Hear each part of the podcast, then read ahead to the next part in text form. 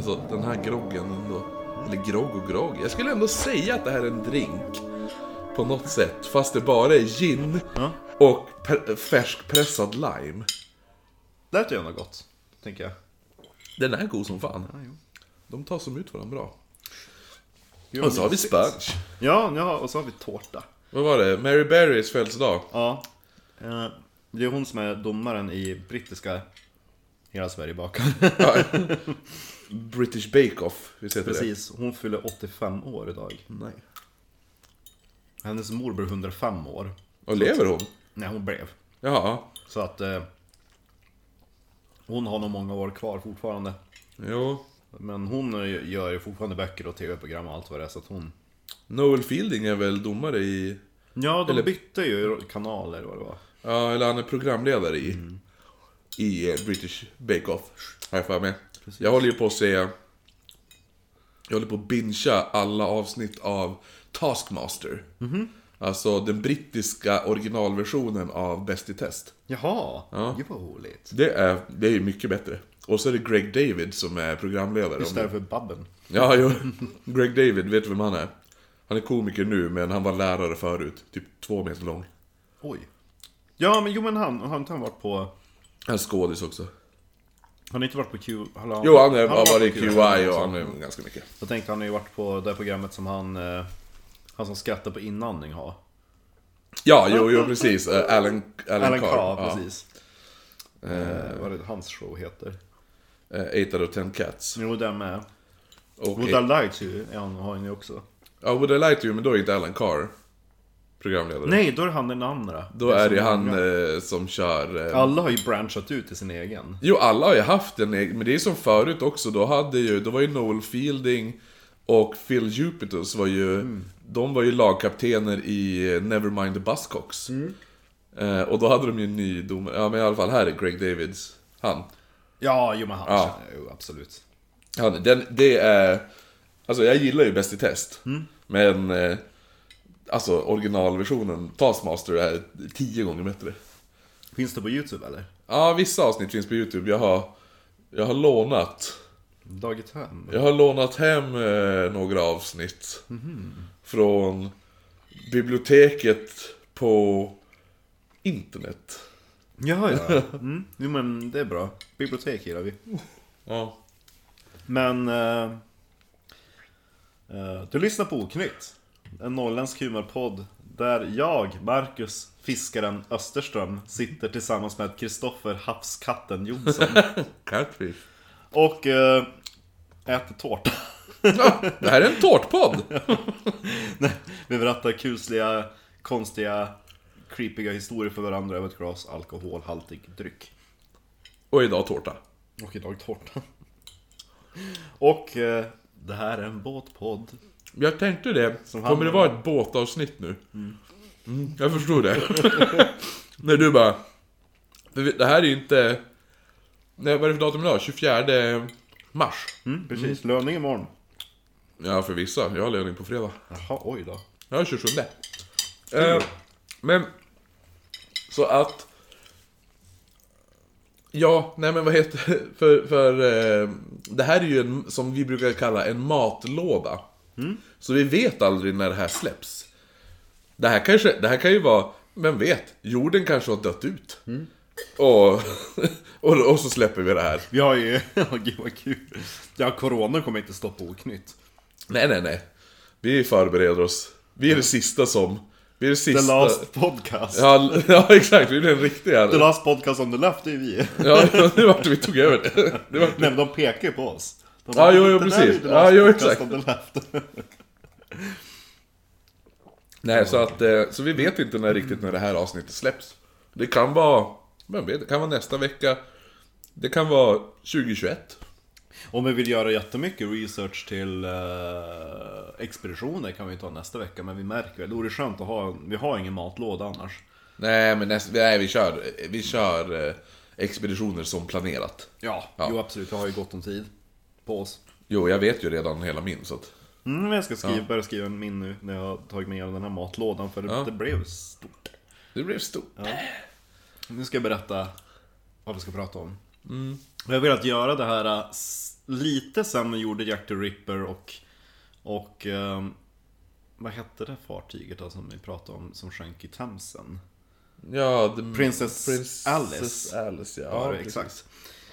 För det här är nästan lite samma tidsepok. Ja. För Princess Alice sjönk ju på 1870-talet och det här är också 1870-tal. Så vi ska tillbaka till viktorianska England. ja. Så ungefär där eh, The Thames Torso Murders började. Började, ja. Det var väl 72 va? Precis. Vi ska tillbaka till 1871. Mm, året innan. Ja, jag ska bara dubbelkolla så jag inte säger fel år. Ja, vi fick ju någon fakta, vi hade ju något faktafel i, eh, Titanic? nej, om LSD. Jaha, Det var Uffe Puffe som påpekade det. just det. Nej, 1873, förlåt. Ehm, hon- eh, fartyget som vi ska prata om är SS Atlantic. Det låter ju nästan som att det skulle hänga med Olympic och Titanic och dem. Ja. För SS Atlantic Är det ett systerskepp? tillhörde den första serien fartyg utav White Star Line. Jaha, som gjorde Titanic? Ja. ja. Och det här kallas för White Star Lines första katastrof. Ja, de hade ju några. När Titanic sjönk, de bara 'Vi har varit med förr' Jag gillar också att, att eh, Titanic har kastat så stor skugga av alla andra olyckor som man glömmer bort. Jo, eller hur? De bara 'Vi hade faktiskt, upp, upp, upp! Vi hade faktiskt en till olycka, glöm inte den hörni' Men film på den då? Jag gillar att, jag gillar att vara ett rederi som är känt för att de har, har jättemycket olyckor ungefär. Vi börjar med lite bakgrundsfakta som vanligt för att sätta en liten bild av, eh, av tiden och epoken. Den stora emigrationen under 1800-talet fick skeppsindustrin att explodera. Och under seklet smitt började fartygen bli mera hybrider mellan segel och ångkraft. För de absolut tidigaste fartygen som korsade Atlanten det var ju bara segel, rakt upp och ner. Ja. Men nu då under industriella revolutionen under 1800-talet då börjar man också bygga in ångkraft. Men de där motorerna var inte jättestarka. och eh, man var fortfarande lite så skeptisk till den nya teknologin. Så man hade fortfarande kvar ganska länge en full rigg eh, också på fartygen. Och det hade man ju så att ifall man tömde kolreserven ute till havs, då skulle man kunna hissa Om man gjorde vad? kolreserven. Ja, alltså, kol, ja. jag tyckte så kollerreserven. Nej, nej. Jag Och, och liksom om man fick slut på kol, Ja. eller om man bara Fan, nu fick vi medvind, då är det bara hissa segel, så boostar man. Ja, ja. Så att eh, det var lite grann eh, för att ha som en livlin också, att ifall det ska hända någonting så, så har man segel. ja. För det fanns inte heller någon radio på 1870-talet. Det, det kom lite senare. Så att om någonting hände så kunde man inte ringa efter hjälp direkt. Så då var det ju bra att om man fick slut på kol, då har Ja. man segel i alla Ja, fall. men det fanns, ja, det fanns inte så här morse... Nej, det hade Nej. inte kommit. Och några av de här rederierna som poppade upp vid den här tiden känner vi till. Cunard Line. Ja, jo, jo, jo precis. Och då ökända White Star Line. Och White Star Line började först som ett ganska litet rederi. De köpte in typ befintliga fartyg. Men 1870 då beställde de sitt första egna fartyg. Och beställningen gick då till eh, Harland and Wolff. Skeppsvarvet, Ja, ja, ja. Som Titanic. Eh, där, där hon föddes. Har, har man inte lyssnat på Titanic-avsnitten så kanske man ska göra det. För vi, alla de här nämns ju. Ja, verkligen. Det här är bara lite... Vi fick faktiskt bara för någon dag sedan eh, väldigt mycket beröm för eh, Titanic-avsnitten. Men gud vad kul! Ja, så det... Roligt. Ja. Eh, ja, nej, fortsätt. Men jag tyckte det var ganska bra avsnitt faktiskt, Titanic. Jag tycker alla våra avsnitt är bra. Ja, jo verkligen. Man har ju Speciellt, några eh, speciellt Spökskepp del 2. Ja. Eh, Det fartyget som man byggde då, det var helt banbrytande i förhållande till alla andra fartyg. Det fartyg som man beställde åt White Star Line kallades för The Oceanic. Ja. Och Måste alla sluta på ick? Ja, tydligen. Ja. De bara, vi ska nischa in oss. Ja, jo. Och tidigare då hade man byggt fartygen i typ den här, i de här förhållandena, alltså proportionsmässigt. En del bred och sex delar lång.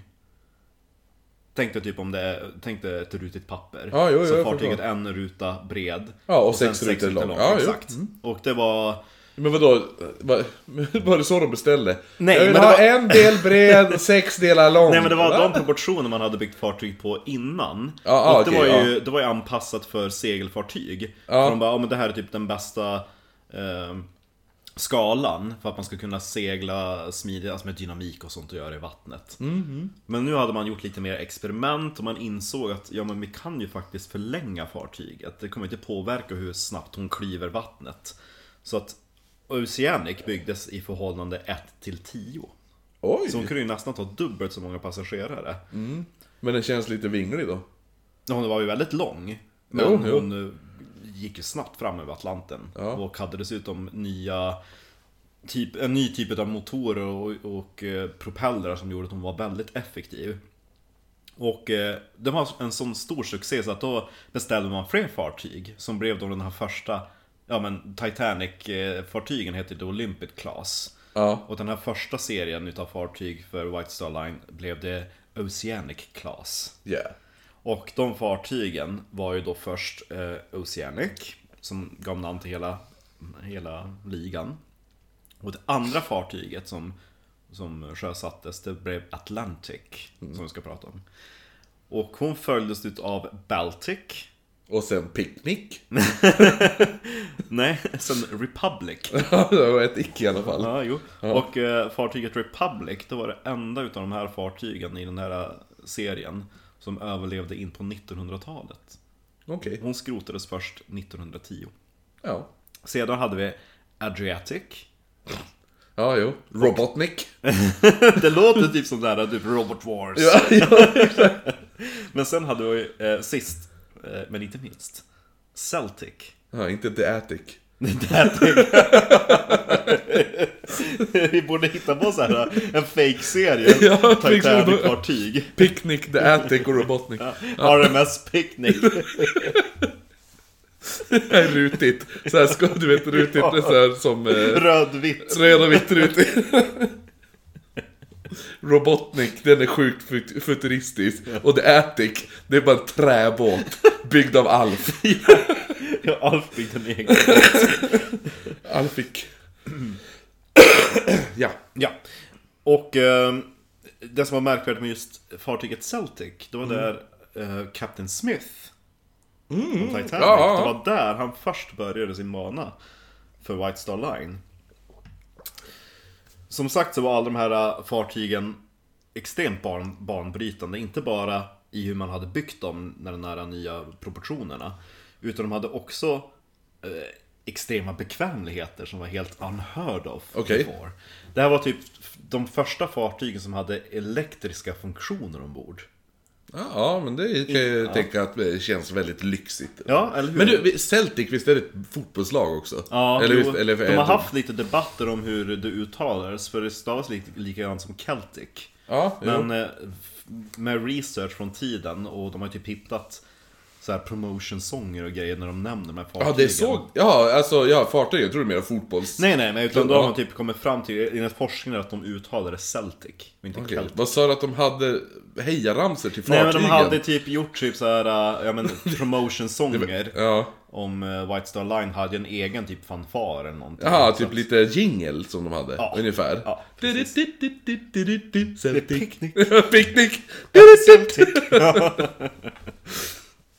Men de där elektriska bekvämligheterna ehm, det, var inte elektriskt ljus, utan det som var elektriskt Det var Man hade En installerat stol. elektriskt stål. När man hade typ såhär knappar i eh, första klassens hyttar så man kunde calla Stewart När man helst man ville ha en betjänt Ah. Så det var, det var Det lät fancy, det lät som en oknytt båt. där. Ja. Ja. Tills de var så felkopplade så bara... Exakt. Och man hade även eh, toaletter in, alltså inbyggt. Och för, för både första och... Det var lite annorlunda klassystem ombord på den här tiden. Det var inte första och andra och tredje klass utan man hade någonting som kallades för typ eh, Saloon Class, eller Cabin Class, det var första klassen. Okej, var- jag, trodde du, jag trodde du skulle prata om toaletten och bara, Nej, men- De hade någonting som kallades för saloon, och där kunde alla gå på toa samtidigt. Ja. Nej men det var typ mer att de beskrev hur hytterna var, liksom Ja. den klassen som var Ja, ombord. Så det var typ såhär, ja men Cabin Class då hade en hytt. Sen Ja, så var det typ öppen sovsals. ja, men som lite såhär deluxe eh, Ja, hytt så de ungefär, hade ja. typ två olika eh, klasser ombord som motsvarar första och tredje klass. Då. Ja men som när man bokar ett Antingen var hotell. du rik så var du så var Ja. fattig. ja men när man bokar hotell, ja men jag tar sviten. Mm. Ja. Eller the penthouse. Ja. Ja.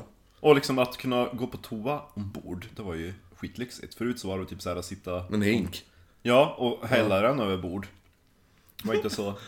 Fanns det någon sån här typ regel att man, ah, här är så här, bajsräcket. Här kastar baj- bajs. Nej, det tror jag inte. Eller var det bara att folk gick bara helt sporadiskt och kastade ut lite här och var? Jo, så var det säkert. Men på äldre segelfartyg, då satte de sig vid relingen bara och hängde. Ja, och så bara sket rakt ner. Jajamän. Ja, jo. Det var ju mer hygieniskt. Och sen så vi, var det storm då, spolade sig ju Exakt. skrovet rent. Jobbigt någon som står ute. Tänker ta en cigg. Så någon som bara kommer med en hink. Och så är det vindigt. Ja, blåser tillbaka. Ja, exakt. Därför är det viktigt att man ska ta, slicka på fingret och sådär upp i vädret och Det, det är där, det är därifrån den eh, traditionen kommer. Hur man, varför man kollar vindriktning. För att inte få avföring i ansiktet. Ja. Och de här fartygen, om vi ska tillbaka till deras eh, teknologiska features. Ja. Det var också de första fartyg som hade telegrafpålar ombord. Okej, Du ja. vet det där eh, som Titanic hade, man har typ en spak på kommandobryggan som man drar i. Och så finns Mm. ja. en spak nere i maskinrummet som Jaha, speglar ja, men precis. Ja. Så att om man slår typ så full back. Ja, då vet de. Då ser de att den rör sig och springer de och så bara, okej, ja. Mm. Så att det var också helt... Men hur gjorde man innan det? Skrek man då? Ja. Ja men alltså det var ju, det var ju här var ju så nytt med ångmaskiner. Och dels var de här fartygen lite mindre så att då hade man någon som sprang. Antagligen. Ja, jag tänkte om de hade såna här äh, rör, du vet, som man... Europa med det är ner så- också. Jag har inte gjort så mycket research om just... Fast jag vet inte hur mycket det skulle höras i ett maskinrum. Hallå! så bara, ja. Ja, men och eh, en annan eh, innovation det var ju också att man hade Steam Powered Steering. Steampunk steering, ja. Men du vet ju om man kör bil, man har ju, alltså Försöker man vrida ratten utan motorn någon gång, då det är snortungt. Ja, jo. Det- ja, jo. det är om, det, om det inte är... Vad heter det? Jag vet inte. Så är det inte i dagens bilar. Det är gamla bilar är det ju så. Ja, Ja, jag hade ju någon, jag hade, när jag körde våran gamla Volkswagen, då gick den sönder en gång längs E4, jag var på väg hem på natten så det var inte mycket trafik. Men då gick just den där styrningen sönder så att jag var tvungen att med, liksom, nästan med kroppsvikt vrida ratten för att kunna... Ja, ja, men precis. Ja. Och eh, det, är, det är någon, jag har glömt bort vad den funktionen heter, men det är samma grej här med Steam Powered eh, Ja, Steering, precis. att man får hjälp utav ångkraften Ja. för att kunna styra. Så Ja. att det blir lättare att, att eh, justera rodret. ja. Jo, men för det jag menar idag är det ju så här. Då kan du snurra ratten Mm. fast hjulen rör sig, rör sig inte. De är det, ratten det är frikopplat. Ja, just det. Ja. Och Atlantic eh, skröt även om att ha havets största rum ombord. The Grand Salon. Som hade två stora öppna eldstäder i marmor och ett Grand Piano. Ooh. Så det är nu man ser liksom att åh, det börjar så här äh, trappa upp mot Ja, det som ska bli ja. Titanic. Och eh, första klassens passagerare, de hade även den lyxiga möjligheten att gå på promenaden. Det var också första fartyg som hade en promenaddäck. Okej, ja. Med liksom tak så att de slapp regn och väder och vind. Inomhuspromenad alltså. Mm. Ja. Ja, nej men alltså det, men det är ungefär som när Jack och Rose går, du vet i scenen i filmen när Du hade inte sett Titanic va? Jo, jag har sett Ja just det. Titanic. Vem är Så det som inte har bio. sett den? Oh, ja. Men då, då Jack ska lära Rose att spotta. Då, Ja, just det, Då går ja. de på, på promenaden, men det är ju som ett tak, det är ju öppet på sidan. Ja, men precis. Just, ja, okej. Ja, men då det, är, det. det är en promenad. Ja. Och eh, jag ska bara nämna en till grej om klassystemet innan vi går vidare, för det är ganska intressant. Eh, uppenbarligen så var det väldigt segregerat samhälle, man kunde inte gå och mingla runt hur som helst. Nej. Med pöbeln. Nej, eller hur? Så i fören, nära maskinrummet, där hade man besättningens liksom, sovrum, eller sovsalar. Där hade man också inackorderat alla män som reste ensamma. Ja, all the single, single ladies, höll jag säga. Ja, all the single men, boys. hur? Ja, men eh, man tänker, vi har alla män där. Mm. Och i mitten utav fartyget, där hade vi alla familjer. Mhm, Som reste. Mm. Och i aktern, där hade man kvinnorna. För då tänkte man att Och familjen stoppar kåta männen. Ja, precis. För då här kan man, men familjefäder och lite äldre söner, Mm. de har liksom god moral, då skulle de kunna kliva in ifall det skulle bli någonting. Jag gillar, att, jag gillar att det är det de har va. Ja men det är bäst vi gör så här, för vi vet ju hur män är. Oh, oh, oh, ska knulla! Oh, oh. kan inte, de, bara, de bara antar att alla män ska våldföra sig på kvinnorna. Ja. Nej men det var ju så, typ kvinnor och eh, om de reste med typ barn själv eller någonting. Mm. För det var ju som sagt emigrationen, så att de kunde ha skickat över sin man först till Amerika. Ja, precis. Så, så, så ja. ska jag bara, kom nu, jag har skaffat jobb och pengar och byggt ett hus. Mm. Och så får de åka själv över, då vill de ju kunna ha liksom sin, sitt del utav fartyget. Sina trosor i fred. Eller hur? Men de kunde ju gå, alltså det fanns ju allmän utrymme där man kunde mingla Ja. Mm. emellan. Alltså typ uppe på däck. Sitta och sola. en grogg. Ja, men inte på promenaden! Nej! Nej. Det är bara för de rika. Hur som haver. Nu ska vi till... eh, Till... eh, The event. Okej, men jag måste bara säga. Det här är i, båt, sådana här båtar innan. Då var det mest att de skulle vara funktionsfyllda. Ja. Alltså det här är tiden när de börjar lyxa till det. Ja. Att göra det lite mer som ett flytande hotell. Jo men förut då var det lite grann så här att fartygen var inte byggd främst för att transportera människor Utan det var ju lastrum Ja. Så det var ju typ så här om vi spänner upp några hängmattor mellan Ja men precis. Och nu man bara Fan det finns en business här Nu Ja. måste vi tänka till Så att eh, det var ju det man hade gjort här också Man hade ju inte Det är någon som så här, åt, återanvänder ett gammalt slavskepp. Ja, De bara, man de tänker vars finns budgetvarianten? Exakt. Det är den här, ja precis, den här billigaresor.se. och så bara, det var, så, det var de- den dåtidens sån, och så bara kollar de, ja men vi tog en sån här sista minut, superbilligt vet du. Ja ah, okej, när de kom dit bara, varför är det kättingar? Ja, jaha. Åh, oh, det var... Usch. Ett inage ingrott Det är ingrott blod här! Ja, det är ju alltså, ni får ju betala mer ifall ni har, Ja. har en bättre sorts resa. Det är då, alltså man tänker också så här att i marknadsföring då skriver de så här charmigt vintage. Ja, precis. Men det är jävla 1700-tals slavskepp. Exakt. Den här eh, abstrakt eh, röd konst. Och många... Porträtt. Är inte det här blodstänk? Nej! Abstrakt röd konst säger jag ju! Och sådär, many original period features left. det var ju så välbevarat. Ja, ja. Man fick verkligen känsla för hur det var för slavarna när de reste över. Någon som inte, någon som fortfarande sitter fast. Hjälp! Finns det ingen som kan hjälpa mig? Gud vad trevligt.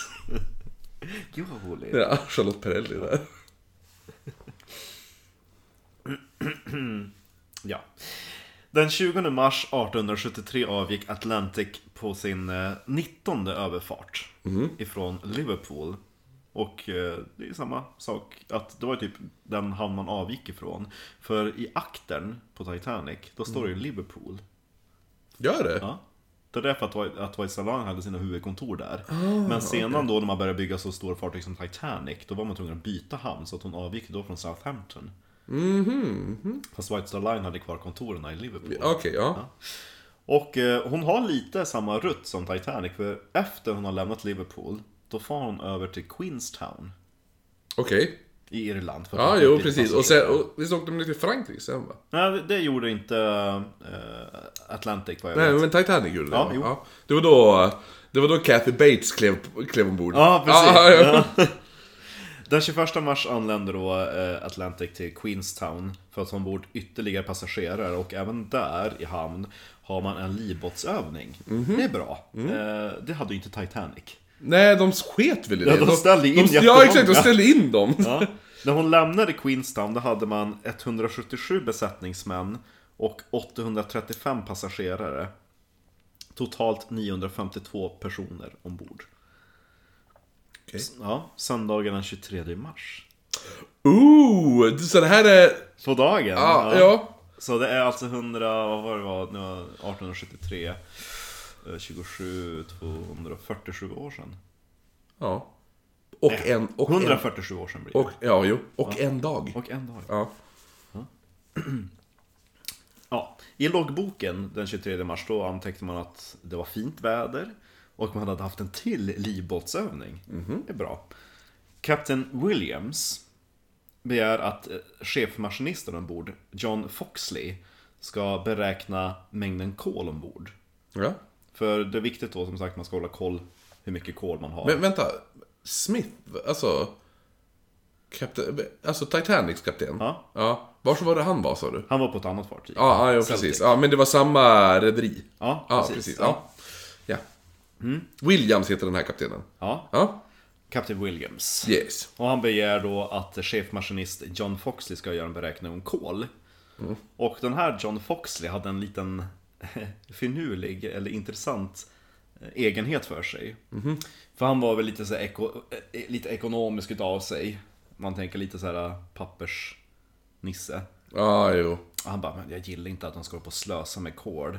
Så att varenda gång eh, han hade som för vana att alltid dra bort lite extra när han rapporterade om mängden kol ombord. Aha, okej. För då skulle man ju... då Ja, men det är ganska smart ändå. Ja, då Ja. uppmuntrar han till kaptenen att vara lite försiktig. Och då när, det, när de antar att det är tomt, han bara Nej, nej, nej, nej, här är mitt superförråd. Eller hur? Men under kvällen då, den här söndagen, då börjar det tillta i vinden och det börjar blåsa upp till storm.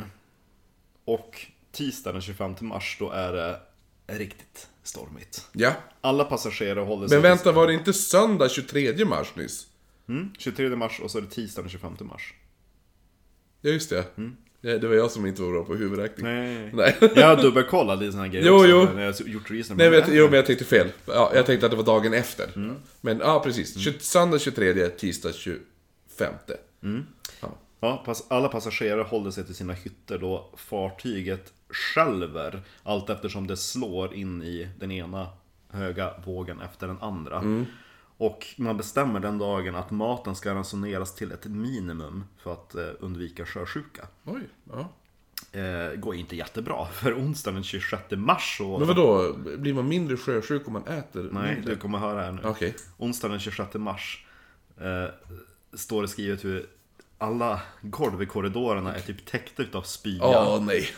Och det är en hemsk, unken och fuktig luft ombord på Ja. fartyget. Ja, Och den 27 mars, på torsdag, då som har, trägolv suger in allt det där. eller mattor helt Ja, heltäcknings... Ja, det är klart det är det. Röda heltäckningsmattor. Mm. Ja, Ja, ja. ja. Ja. Nästa dag då, alltså torsdagen den 27 mars, då har stormen tilltagit ytterligare.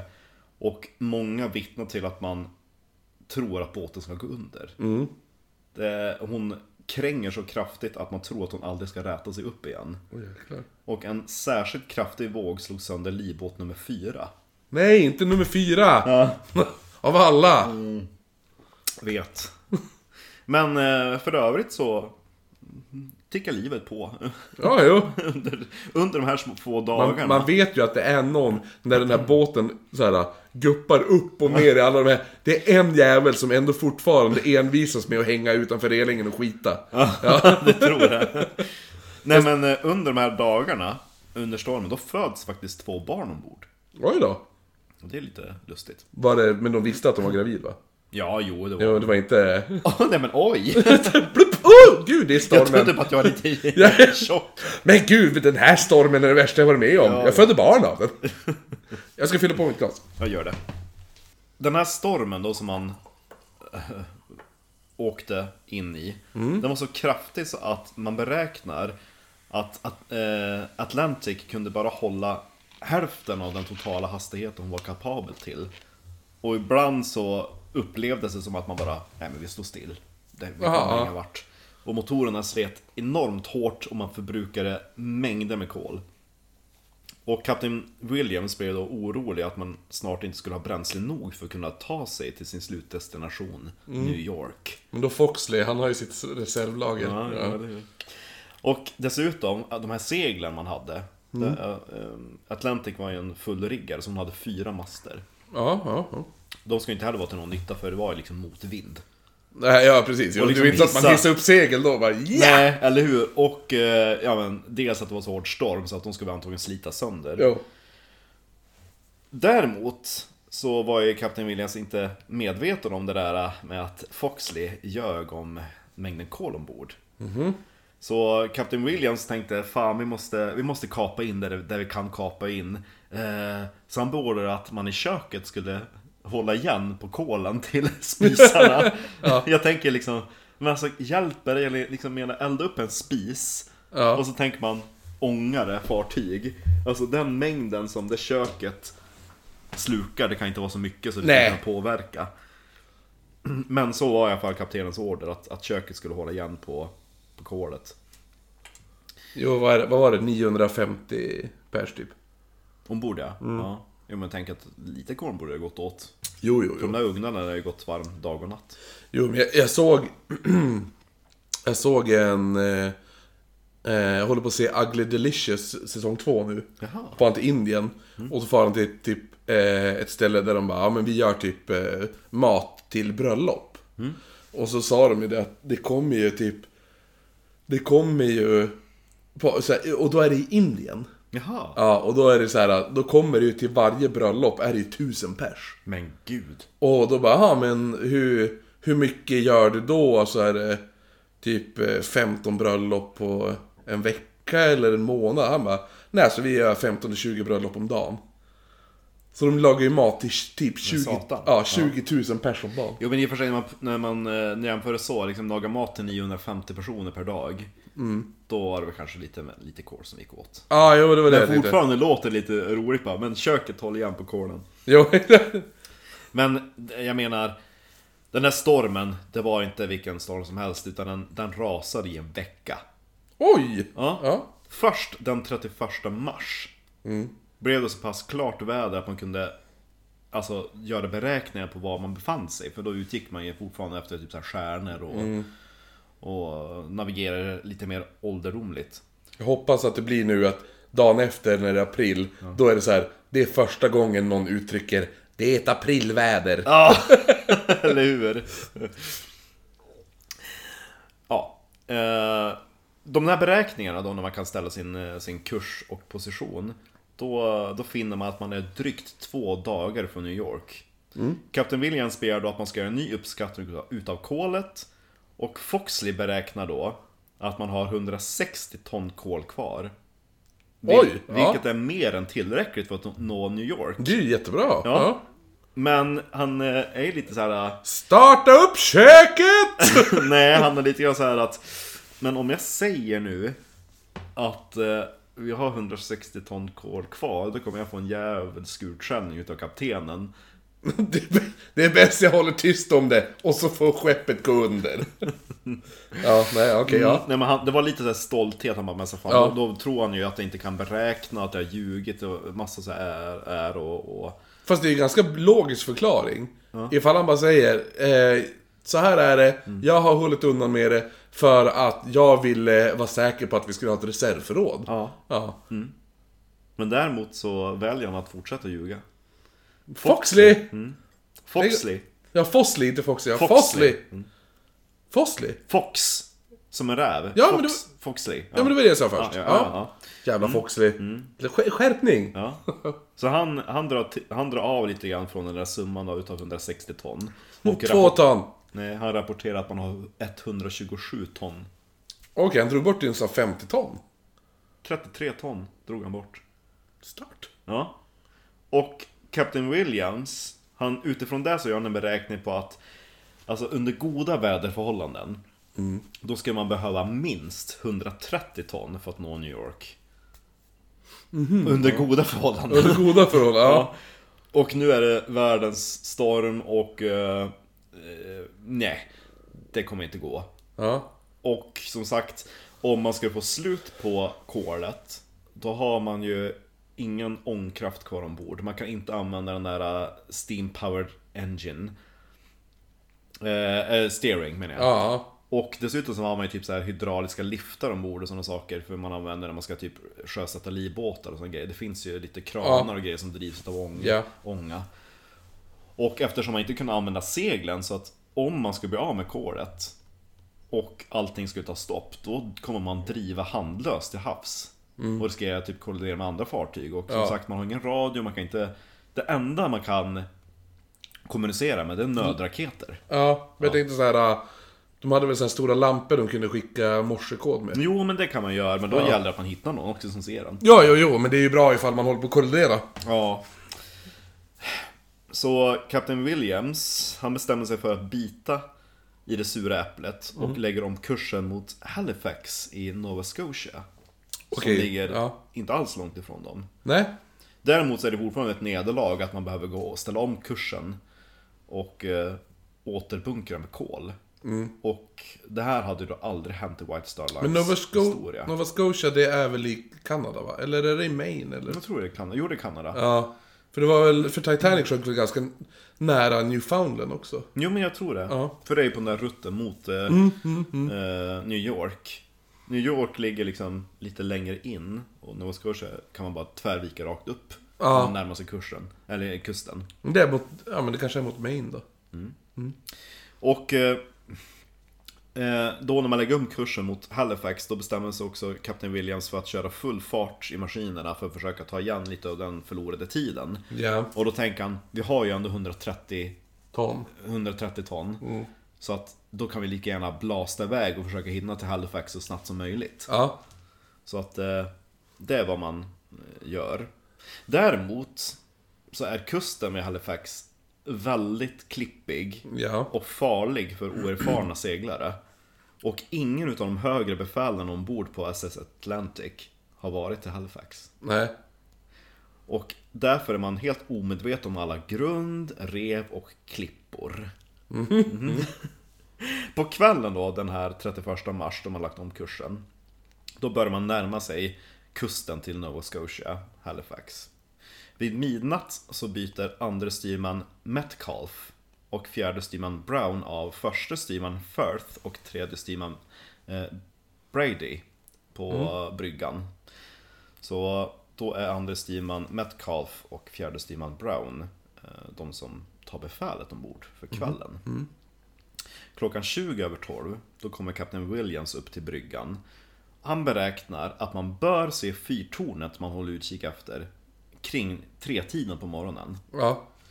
Så snart man ser ljuset från fyren så säger han att man ska kasta ankar. Och nästa dag då, när det är dagsljus, då, då tar vi sista rutten in i hamnen. Och eh, innan kaptenen går och lägger sig i kartrummet. då ger han eh, de här styrmännen en order att ni ska väcka mig senast klockan tre på natten. Det är då man räknar att man ska se fyren. Eller så snart ni ser fyren. Det Ja. kan ju vara lite tidigare. Ja. Ganska strikta, lätta förklaringar. Alltså, ja. Men för säkerhets skull, då går han också och säger åt sin steward att Alltså väck mig 20 i 3 Bra att vara lite tid, han kanske är lite nyvaken också Ja, jo, han kanske vill snosa. Ja, precis, och ställer väckaren Slå till han på huvudet, 10 minuter till. Det var som man snusade på 1800-talet Slog till sin steward Jag på tänker huvudet. han är lite gammal Han behöver lite tid Och så nattskift Ja. Däremot så är man ombord på SS Atla- Atla...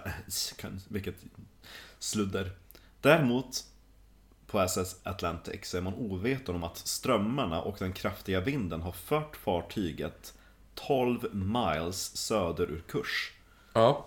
Eh, på våra europeiska mått så är det två mil ur riktning. Ja. Fyrtornet som man är på jakt efter, det skulle ha dykt upp på styrbords sida. Alltså, ja, ja, ja. Det är på vänster. Ja. Eh, Men eh, nu då när man har drivit, då kommer den att passera på höger sida. Så då står man ju... Babord. Ja. Ja. Så då står man ju alla på den ena sidan, vad ser du någon fyr? Jaha, alla för... Nej! Och så man ser i bakgrunden ser man bara fyren för Ja. blinkar. Så Ja. man missar ju den. Nej! Jo. Så... ehm, ja, man, man missar fyren helt enkelt. Det är hela att alla på hela båten bara springer över. Alla som vaknar. Ställ er på vänster sida av bå- båten! Jag Nej. tänker, jag Nej, tänker, jag att, jag tänker att det är lite grann som i Sunes sommar. Ser du något tåg Karin? Ja, Inte jag heller. Och så Ja. kör de. Och direkt de har åkt. Mm.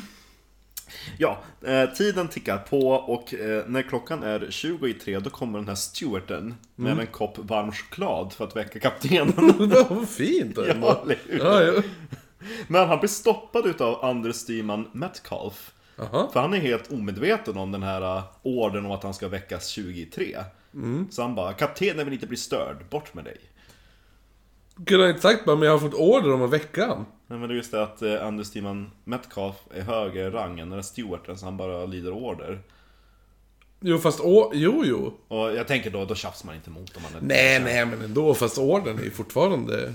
Ja, jo, men uh, det, det tycker man ju. Men så var det i alla fall att, uh, att kaptenen blev inte väckt. Han bara, men ta chokladen du då. Tack! Ja, Det var därför. Jag tar den där, du kan gå. Men, men, men, ja men! Jo, han vill inte bli störd! Choklad!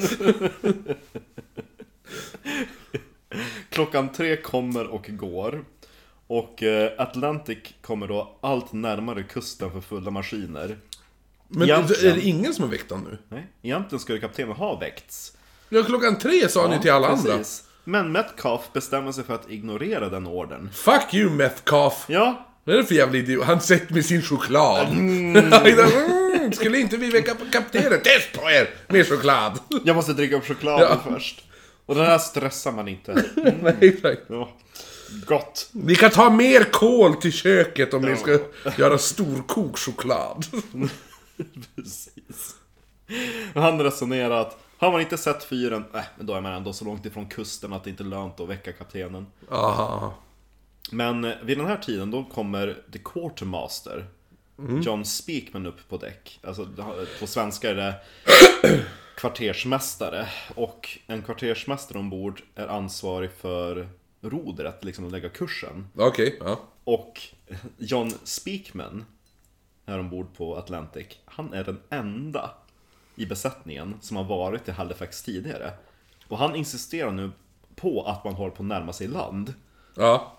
Och han påpekar ju det till Metcalf. Men han ignorerar den varningen. Han sitter på surpla choklad. Så, inte nu. Nej men...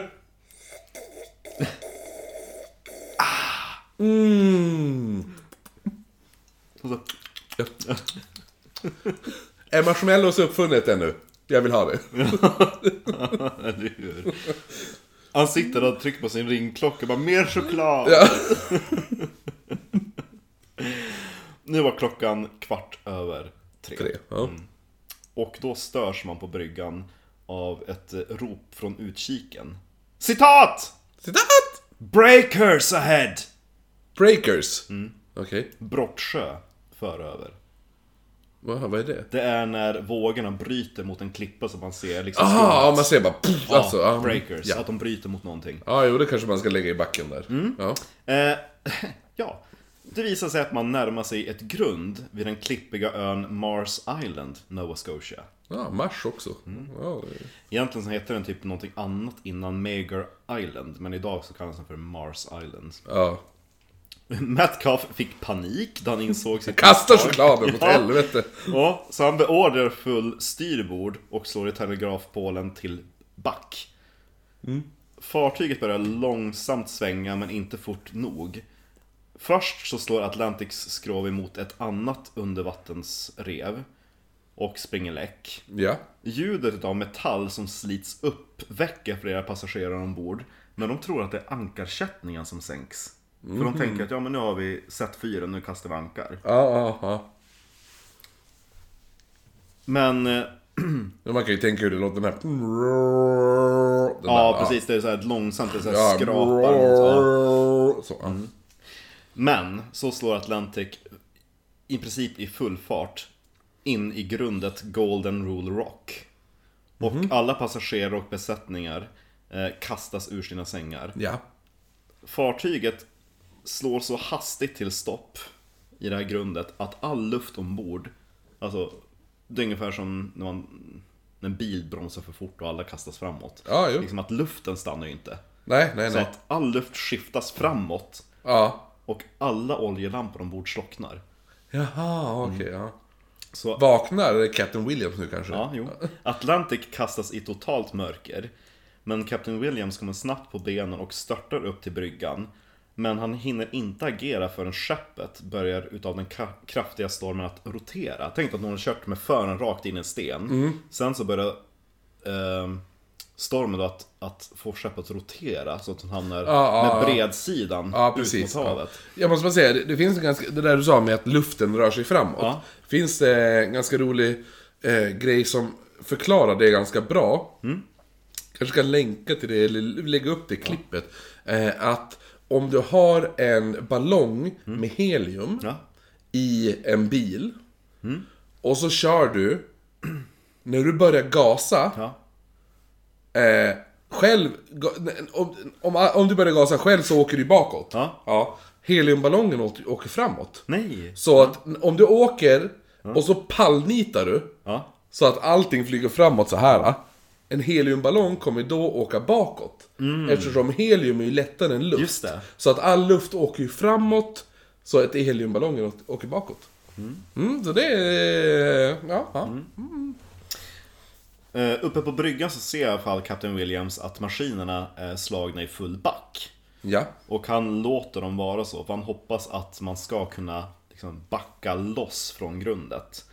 Men som sagt, Atlantic håller nu på att rotera. Hon sitter fast vid fören vid, vid eh, Golden Rule Rock. Och stormen får henne att rotera så att eh, hon hamnar med bredsidan utåt. Hon ligger typ parallellt med strandlinjen kan man säga. Aha. Men under den här rotationen, då skrapar akten emot ett annat grund och propellerbladen slits av. Oj, jaha. Så att hon blir helt eh, av med... Eh, Ja, kunna ta sig fram. Ja, Ja, ja. Och dessutom nere i maskinrummet har man ju sprungit läck. Jo. Så maskinisten Foxley, han uslingen. Jo, jo, han som är... Han som håller på kolen och sen bara... Nej, inte allt mitt kol! Ja, exakt. Han som är litet troll. Fast istället för guld så har han kol. Han har ett eget litet så här rum. Ja, Vad finns där inne? Ingenting. Nej, nej. Det luktar ändå. Är det någon som kokar choklad här inne? Nej! Eh, Den där maskinist Foxley i alla fall, han, han tvingas snabbt överge sin post tillsammans med alla andra eh, ur besättningen där nere i maskinrummet. Men det sista man gör är att släppa ut all ånga från, eh, från eh, turbinerna. Ja. För som sagt, om kallvattnet når pannorna, då kan ju de explodera. Ja. Så att eh, man släpper ut på, på ångtrycket. Nu då när, eh, när eh, liksom man tänker fan, där uppe på bryggan. Då utdelar Kapten Williams tre befallningar. Nummer ett är alle man på däck. Ja, ja, Ja. Alla passagerare måste väckas och ta sig upp. Och den andra ordern han eh, utdelade är bered och sänk livbåtarna. Sänker. Ja, alltså, sänk dem. De, ja. de är ju ombord på däck och så tar Ja. de de här typ armarna så att de ska liksom svängas ut utanför skrået som de gör på Titanic. Mm. Jo, jo, jo. i dem. Eh, och den, Minilyftkranar ungefär. Ja. precis. Och den tredje orden eh, ger han till, till Quartermaster Speakman. Mm. Han som hade varit i Halifax. Ja, jo, precis. Ja. Han beordrar Speakman att avfyra nödraketerna från bryggan.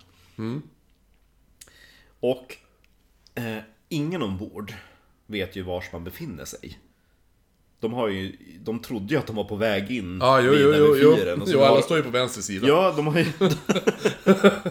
de har ju drivit två mil söderut utan att de har någon aning. Så att De har inte den minsta aning ifall det är någon som kommer att se de här nödraketerna. Men hur som haver, man börjar få ordning på livbåtarna. Den första livbåten svänger ut och fylls med kvinnor och barn. Ja. Men när man ska sänka ner den så slås den sönder mot skrovet. Åh nej. Ja, så att alla ombord eh, Dog där. dog där, ja precis. Och eh, den andra livbåten... Det var därför vi sa kvinnor och barn först. Ja.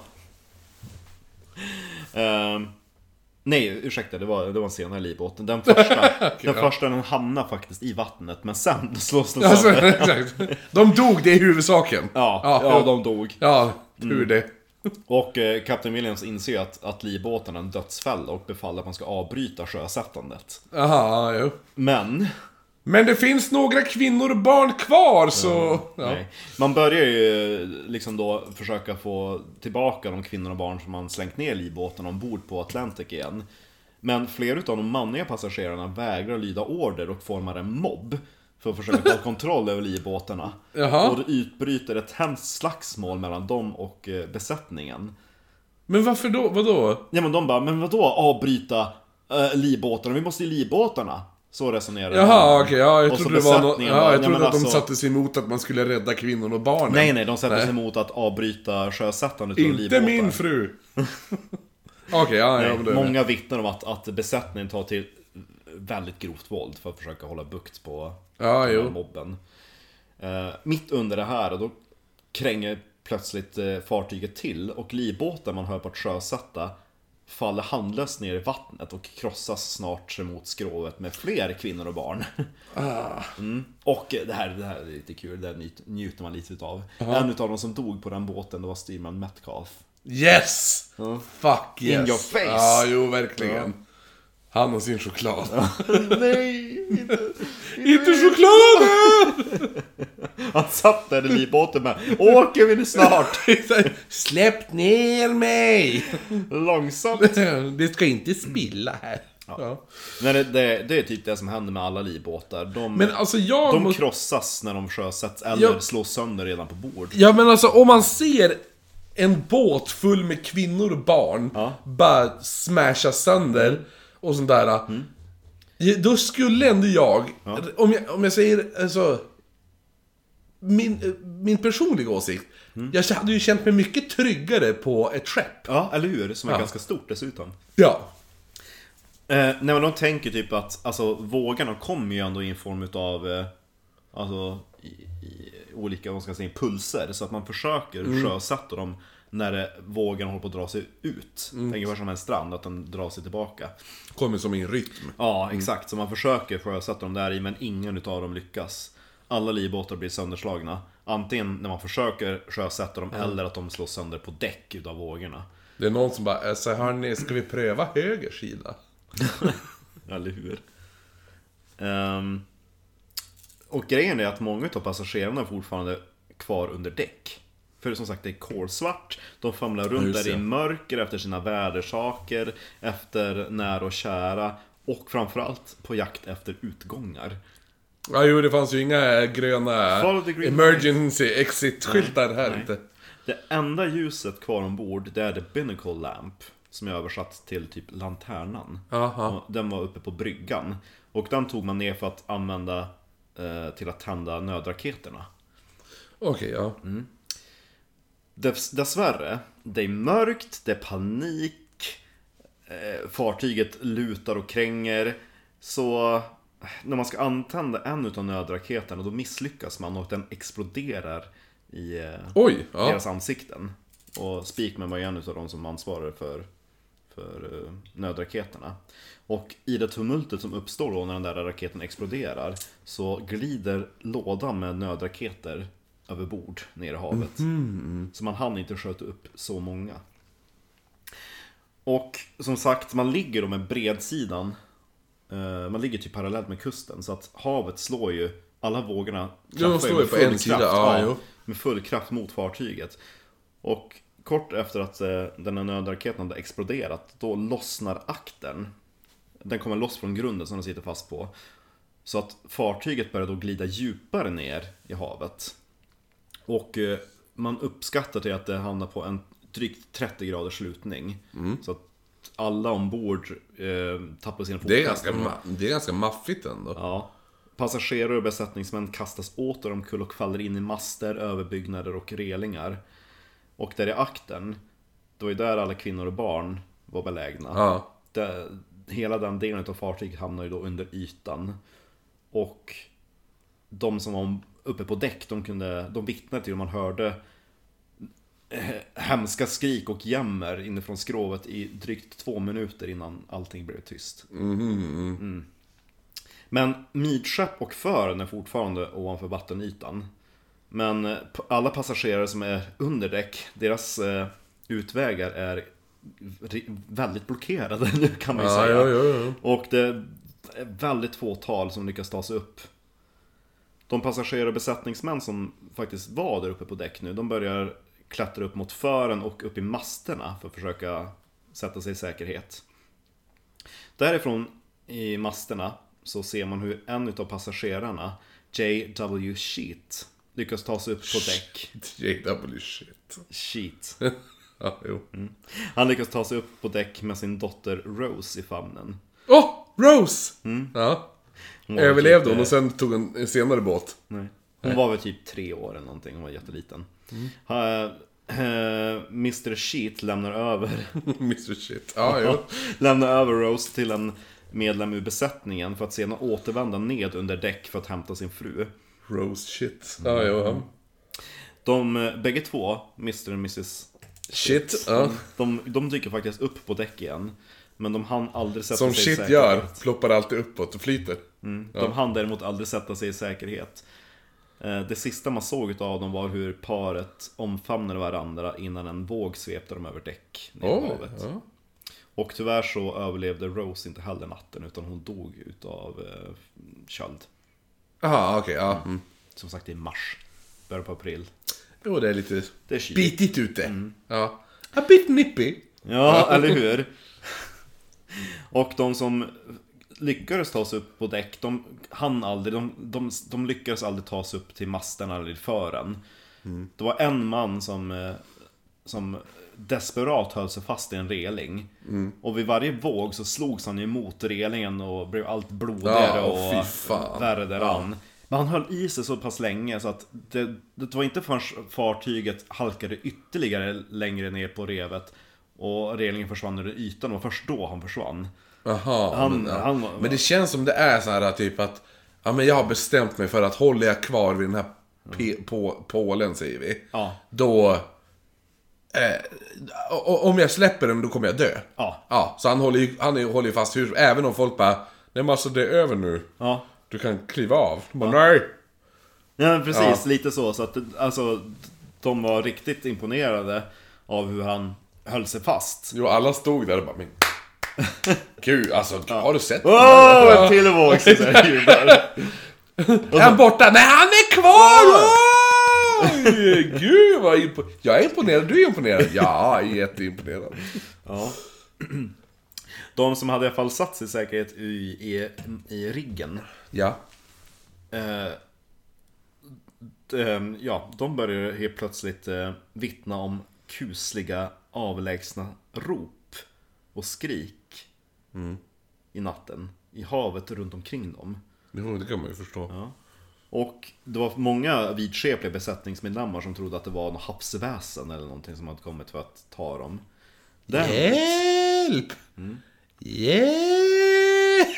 Finns det ingen som kan hjälpa mig? Hörde det där lite väsen? nej, men däremot så var det så att akten, där alla kvinnor och barn var, att akten hade slagit sönder och överlevande som hade suttit fast i luftfickor, de drogs ut ifrån fartyget. Åh, ja.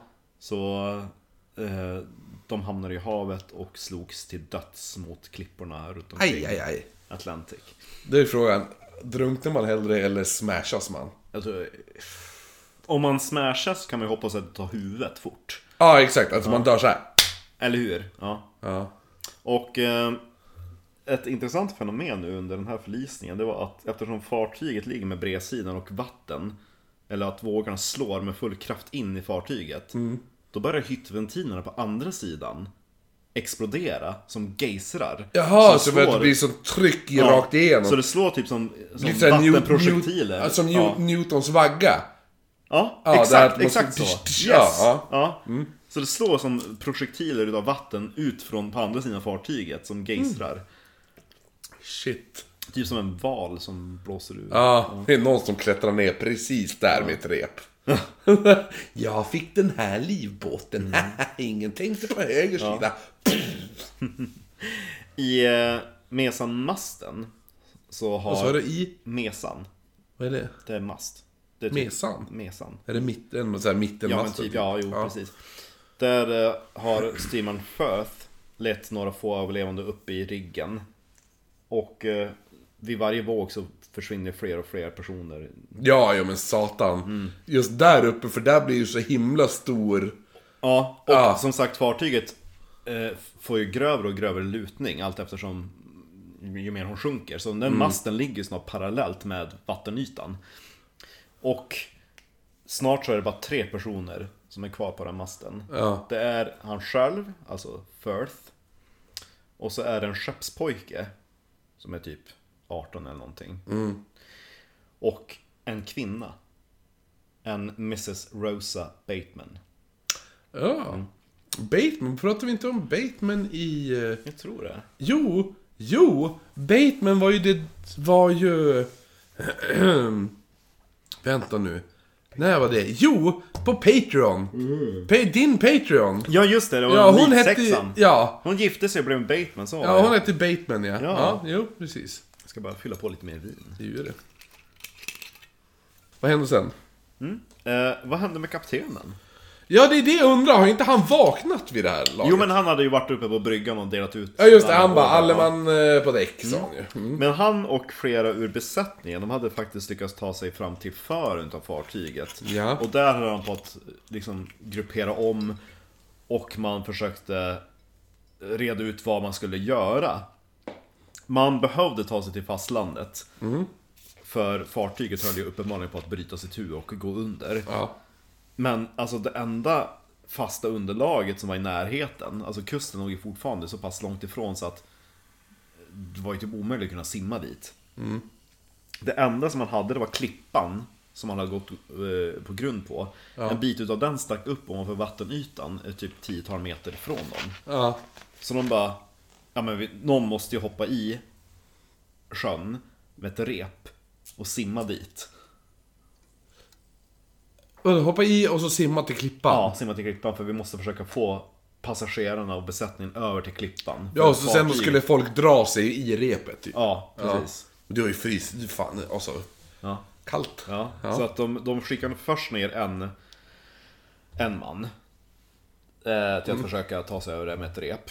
Han tvingas eh, dra sig tillbaka, dels för att det var för kallt och då stormigt och eländigt. Doppa Den tån. andra som försöker, det var ju han, eh, The Quartermaster, John Speakman. Ja, ja, ja. Han lyckas ta sig till Golden Rule Rock. Jo, ja, okej, ja. Och han bara liksom God's mercy lite grann. Är Helt otroligt. Och när han klättrar upp på den där klippen då hittar han faktiskt en annan besättningsman som har spårat som upp på den. Bara, bara slåg där. Ja, och han lyckas så här skaka liv i han. Bara, Säg inte att det är chokladmannen. nej, nej, nej, nej, nej, nej, han är död. Han är död.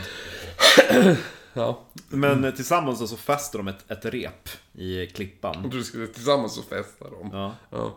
Och man eh, lyckas få över lite fler medlemmar ur besättningen till klippan och totalt så lyckas man fästa fem rep mellan Atlantic och eh, Golden Rule Rock. Så att nu börjar man försöka få över så många passagerare som möjligt över till, till revet. Ja, ja. Och det berättas att som mest under den natten, då uppskattar man att drygt 200 personer trängdes på den där klippan och klamrade sig fast på den. Och varje våg som slog in över dem drog med sig fler och fler Jaha, ja, till eh, undergången. Ja. Eh, Men då kunde man fylla på med mer från båten. ja. Ja. Det är fullt nu! Puff. Här ryms fem till. Men alltså, där de hade gått på grund, det var i närheten av Mars Island. Eller det var, revet tillhörde Mars Island. Ja. Eller Megar Island som den hette på den tiden. Och den ön var så pass stor så att det faktiskt bodde fiskarfamiljer där. Och en utav dem var familjen Clancy. Clancy. Clancy. Clancy. C-L-A-N-C-Y. Clancy. Ja. Ja. Dottern, Sarah Jane O'Reilly, vaknade av, av vad hon beskrev som kanoneld. Och det var då rö- nödraketen utav Atlantis Ja, som ja, hörde. ja, ja. hennes far Michael gick ut för att se vad som stod på och då han närmade sig stranden, då mötte han faktiskt en annan quartermaster, Robert Thomas. Han hade kastats över bord väldigt tidigt under förlisningen och på något mirakulöst sätt spolats liksom i land på kusten. Han surfar. Ja, så att han, han sprang ju då för att försöka hitta hjälp och då mötte han eh, Sarahs eh, pappa Michael. Och eh, han tog tillbaka eh, Thomas till stugan där Sarah försökte få honom att eh, liksom slå sig ner och ta, typ, ta lite soppa. Ja, ja. han bara, nej men alltså Min ångar har gått på, gått på grund här utanför, vi måste Vi måste undsätta dem. ja. Så eh, han tvingar ju ut, uh, ut dem direkt på att försöka uh, liksom varsko flera Ja, fiskar, ja, och, och slå larm. Och medans Thomas och Michael sprang runt och väckte grannarna och andra fiskare Då började Sarah koka mer soppa Och hon, hon tänkte det behövs nog Ja, jo, jo, Om de kommer i land, oh, vilken aptit de kommer ha. Ta lite betalt också. Good business. Men tillbaka till, eh, eh, till Atlantic. Alltså fartyget hade nu nästan lagt sig helt platt på sidan. Så det var väldigt lite kvar av skrovet som, eh, som var ovanför vattenytan. Ja. Så att skrovet då, som är, liksom är vertikalt. Nu kunde man ju gå på utsidan utav det, för det låg ju Ja. nästan platt. Och där uppe vid fören då, när man stod där och höll på att förbereda folk till att klättra över till Golden Rule Rock. Då började man helt plötsligt höra liksom hur folk bankar under fötterna på dem. För där Åh, framme vid fören ah, är det fortfarande kvar överlevande. Det var, Fan vad obehagligt ja, ändå. så längst fram där i fören, det var ju där man hade manliga passagerare Ja. och eh, del utav besättningen. Så man lyckas typ gräva fram en brandyxa och så slår man sönder hyttventilerna och börjar dra upp eh, människor ur skrovet. Ja. Så man lyckades rädda drygt 100 personer på så sätt. Ja, men Ja. det är ändå nice. Ja. Fan vad obehagligt ändå att känna under när Ja. man går och bara... Alltså... Ja. Ja. Och en utav de där eh, som man drog upp ur skrovet, det var en 12-årig pojke vid namn John Hindley. För egentligen så reste han med sin familj som skulle varit i, i midskepp då. Jo, För jo, som men... sagt, familjen Ja, jo, skulle jo. varit mitt i fartyget. Men hans storebror var så pass vuxen så att de hade inackorderat honom där i för med männen. Okej, men så att de, de öppnar upp hålet alltså längst fram i skeppet? Nej men du vet hur de hade gjort med passagerarna, kvinnor längst bak. Jo. Ja, familjer i mitten. Ja. Och så var det män i fören. Jo, men båten har väl tippat så? Den har, den har kantrat så. Jo, men om, om det här är båten. Ja. Här är fören. Ja. Mittdelen ja. bak. Den har väl tippat så här. Alltså. Ja, precis. Och så ligger akten lite längre ner i djupet. Så att fören Ja. och... och Ja, men om eh, det här är båten. Här är männen. Här är familjer. Här Ja, är ja, kvinnor. ja. Så den har ju tippat så här, tänker jag. ja, precis. Och så Ja. typ armbågarna. och så har det börjat, och så sjunkat. Yes. Sjunkt. Exakt Ah. Okej, ja Ja, men då ja. är jag med. Då Ja. förstår jag. Ja. Jo. Och eh, grejen till varför den här 12-åriga pojken överlevde. Mm. För han var ju som sagt placerad egentligen i mitten utav fartyget. Ja. Med sin familj. Ja. Men hans storebror var så pass gammal så de hade faktiskt satt honom i fören. Och då, Okej, då, hade ja, han, då hade ja. han frågat sina föräldrar den natten, kan inte jag få sova framme med min bror George, tror han hette. Ja. Och så de bara, jo men det kan jag få göra. Och han tyckte, ja men gud vad kul, då får jag känna mig som en, som en vuxen man. Ja, jo, exakt. Ja, Du är ju snart... Du är ju snart 13. 13. Du är ju snart... Ja, han kanske har kanske träben. Ja, eller? Kanske fick det efter den här förlisningen. Det känns som att ju mer jag pratar i det här avsnittet så desto mer låter jag som han eh, eh, Daniel Larsson. Vet du vem det är? Nej. Skådespelare Daniel Larsson. Han här, den här snubben. Han. Jaha, ja ja. Den skådisen. Han, han och jag har typ samma röst just nu. Ja, Den ja. här hes, hes röst. Fast han har den dygnet runt.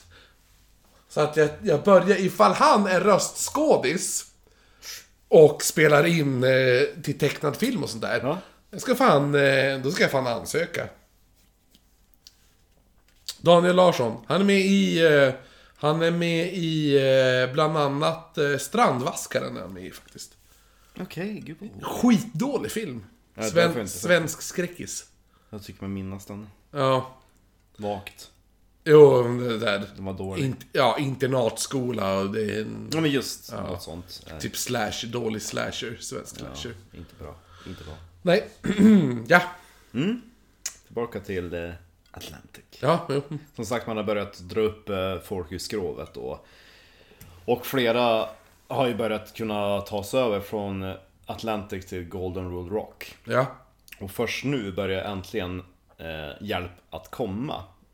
Alla fiskare och, och bybor tar ju sina båtar och försöker åka ut till, eh, till fartyget och Golden Rule Rock. Ja. Men Atlantic är så pass instabil och ligger så pass öppet till från havet. Så att det är för riskabelt. Men Atlantic, alltså skrovet och fartyget gör så att det blir lite lä mot Golden Rule Rock. Så det är lättare för fiskebåten att, att ta passagerarna därifrån. Ja. Så att eh, alla klättrar över dit. Och eh, några lyckas ju åka ut till själva fartyget och rädda andra eh, överlevare därifrån. Ja, ja. För Kapten William såg ju först hur de åkte ut till Golden Rule Rock. Han bara 'Men kom hit till fartyget! Ja, jo, jo. Ni får pengar! De höll på att locka och, och, och ha sig. Och så dels så höll han ju på också att få lite panik för, eh, för fartyget höll nu verkligen på att, att knäcka sig tur för midship, där hade hon redan börjat på att vika sig. Ja, ja. Ehm, Och då när, när Kapten Williams lämnade fartyget, då var han den sista eh, som lämnade själva skrovet. Okej, ja. Eh, Ja, men det är ändå som en kapten ska göra. Ja, jo, fast eh, det fanns ju några överlevande kvar. Det är de i båten. Nej, de på masten. Ja, de ja. ja. Styrman Firth, den där skeppspojken och Rosa Bateman. Men som sagt, den masten och allt, alltså det låg så pass till. De hade försökt ta sig nära till dem men de bara, nej vi kan inte. Nej. Det går inte.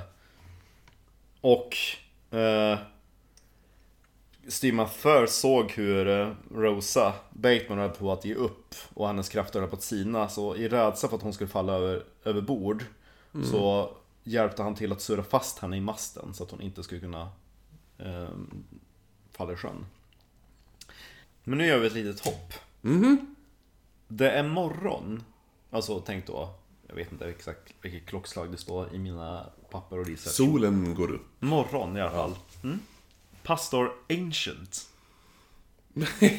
Pastor Ancient. Han heter Ancient. Pastor urgammal. Ja. Ja, jo, okej. Han vaknar som vanligt och börjar eh, liksom ta sig an sina Ur, dagliga bestyr. uråldriga bestyr. Ja. Mm. Och en av hans rutiner är att gå över till sin granne och eh, äta frukost där. Men när han kommer dit så ser han, det är ingen frukost framdukad. Och det är ingen, det är ingen hemma. Jaha. Vad falskt. Och så går han ju runt och ser... Jag gillar också att han bara går över till sin granne och äter Ja men frukost. det, han, det är en nära vän, så att han brukar liksom alltid bara 'Hello' Jo, jo, men det hade varit lite weird ifall jag kom hit varje morgon och bara Tjena Marcus! Ja, Jag ska ha frukost! jo. Ja men det var Ancients eh, Ja, ja, tradition. exakt. Ja. Så han börjar gå runt och, och leta efter folk. Och det är först när han kommer ner till stranden som han upptäcker att alla är ju upptagna med att försöka rädda de överlevande från Atlantic. Han bara "Ah, Får jag göra min egna jävla mackor idag då?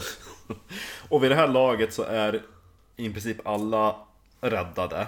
Man har ju fått land eh, Captain Williams och, och gänget. Så att de flesta utav överlevarna de är typ i stranden och värmer sig vid öppna eldar.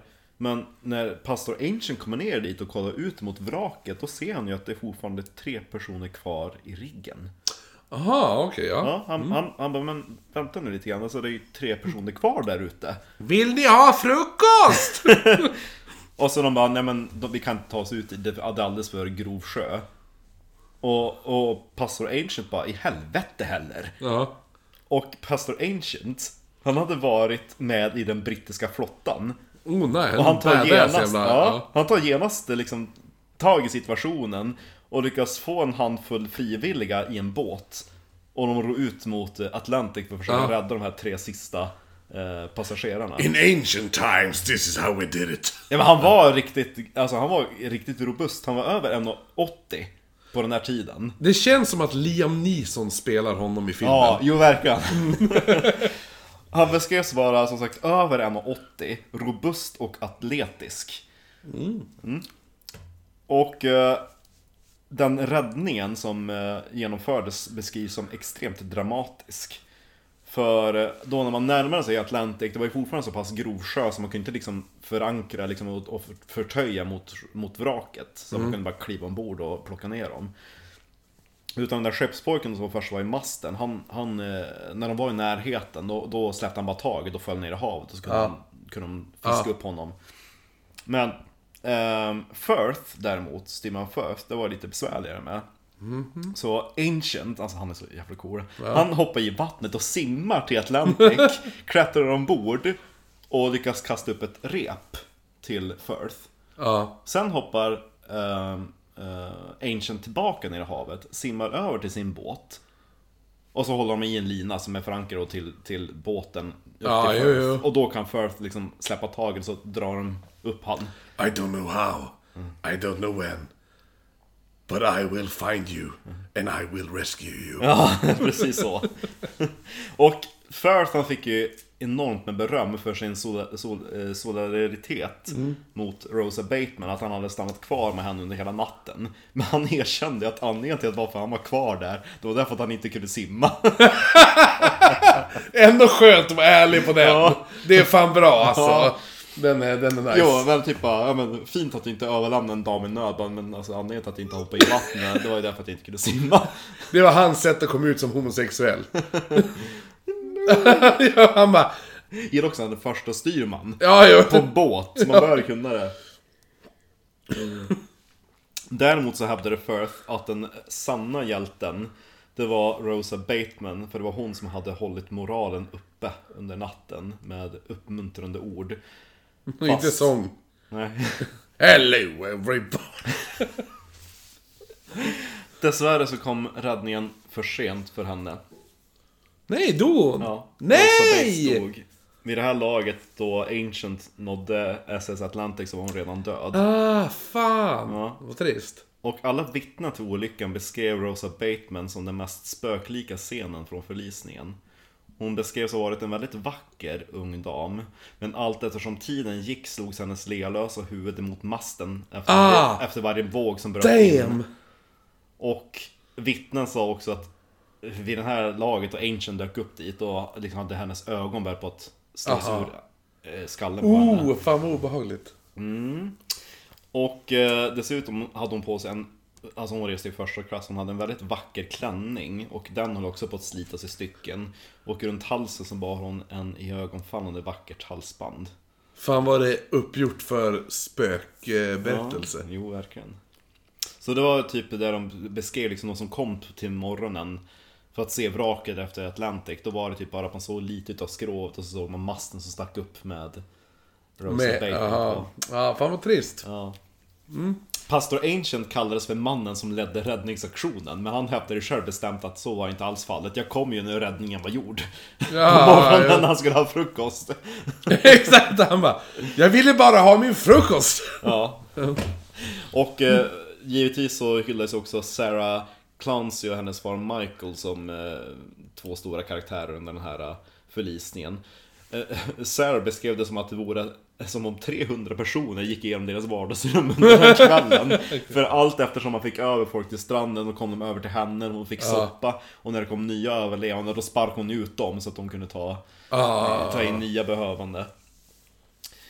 Och eh, man hade inte några jättenoggranna passagerarlistor, så det är fortfarande lite så gissningsalternativ och hur många det var som dog. För det var ju så många som blev inspärrade i skrovet. Men idag så tror man att utav de 952 ombord så dog 550. Det är mycket ändå. Av dessa 550 så var det alla kvinnor ombord. Inte en kvinna överlevde. Oj! Och den enda barnet som överlevde var den här 12-åriga pojken John Hindley. Jäklar. Ja. Och eh, Captain Williams stod där tydligen väldigt, väldigt hårt. Han har sagt i någon intervju eller i någon memoar att If I only could have saved one woman I could have bared the disaster But to lose all, it's terrible. Jo, jo. Men det är väl lite också det här, jag tror att kvinnor på, de, på den här tiden så vart det väl kanske också att kvinnor håller sig ganska passiva. Men det var ju det att de blev instängda. Jo, jo, det också. Men jag menar, det är också den här, de männen som överlevde som var där med en kvinna, säger vi. Ja. Han kanske, stanna här. Ja. Jag går ut och checkar läget. Ja. Och de bara, jag sitter här tills han kommer tillbaka. eh, båten sjunker, han sa att jag skulle sitta kvar. Ja. Jo. Det är så jag utgår ifrån att eh, kvinnor fungerar i allmänhet. Ja. ja. De lyder. Väl eh, räddade så började nu lokalbefolkningen att förse sig med vad som fanns kvar utav Atlantic. Liksom delar utav lasten, vad som hade drivit i land och, och så. Dagen efter, då var det bara som sagt en liten bit utav skrået som stack upp ovanför vattenytan. Och fartyget hade brutit sitt tu. Eh, White Star Line, när de väl nåddes utav nyheterna om olyckan, de hyrde in ett företag för att bärga kropparna utav de döda och ett annat företag som skulle bärga, utav, bärga så mycket av lasten som möjligt. Och eh, vid de här eh, bärgningarna, då använder man också sprängmedel för att kunna ta sig in djupare i skrovet. för Okej, att ja. dels kunna bärga lasten och de döda. Ja. Och de döda som man lyckades eh, eh, fiska upp De eh, lades, på, lades längs strandkanten i väntan på begravning. Fiska upp. Ja, jo, Ja, jo. jo. Och Captain Williams, han eh, var så pass eh, eh, liksom, plikttrogen så att han och hans besättning stannade kvar under hela det här arbetet. Och de vakade vid stranden eh, vid de döda så att Aha. inte de skulle kunna komma och plundra Ja, men det var fint. Ja. Fast trots det så var det ändå många som kom och, och liksom pickpocketed the dead. He pocketed it. Pickpocketed. Ja. Och eh, det var också så att några utav de här eh, kvinnliga liken, om det var någon så vacker som typ Rosa Bateman, Mm. så var det också flera som... Eh, liksom- Inte hade sex med dem. Nej, de klippte av hårlockar. Jaha, som okej, ja. souvenirer från vackra kvinnor. Där Fast- ser man vart min tanke går direkt. Ja, ja, eller hur? Man vet aldrig. Hon var vacker, död. Sex! Samtycke. Mm. Pastor Ancient, han ansvarade för begravningen utav de protestantiska passagerarna som lades till vila eh, i en massgrav intill hans kyrka där på eh, Mars Island. Ja. Och eh, idag så finns det väldigt lite kvar utav själva vraket. Dels eftersom han sprängde sönder och dels eftersom det har rostat bort. Det är ändå drygt, eh, vad blir det, 40 år före Titanic. Ja, ja. Men det finns ett SS Atlantic Museum Jaha. där på, eh, i Nova Scotia. Och där har de eh, bland annat eh, namnskylten från fartyget. Som satt ovanför eldstaden till en gammal Ah, gummas hem. Som hon donerade till museet för typ så här 20 år sedan eller någonting. Coolt. Och klockan ifrån bryggan finns också bevarad. Och den fungerar fortfarande. De har både klockan och nyckeln. Jaha, vad, vad häftigt ändå. Ja. Ja. Och så har de lyckats bärga delar utav relingen. Eh, det har de ju också skrivit på museet, att det är ganska hemskt när man tänker på alla de som höll sig fast krampaktigt Ah, jo, jo, jo, jo, under natten. Och, eh, man har också hittat bitar utav eh, de här marmoreldstäderna som fanns ombord. Mm, och så har man bärgat delar utav eh, eh, de här eh, hyttventilerna.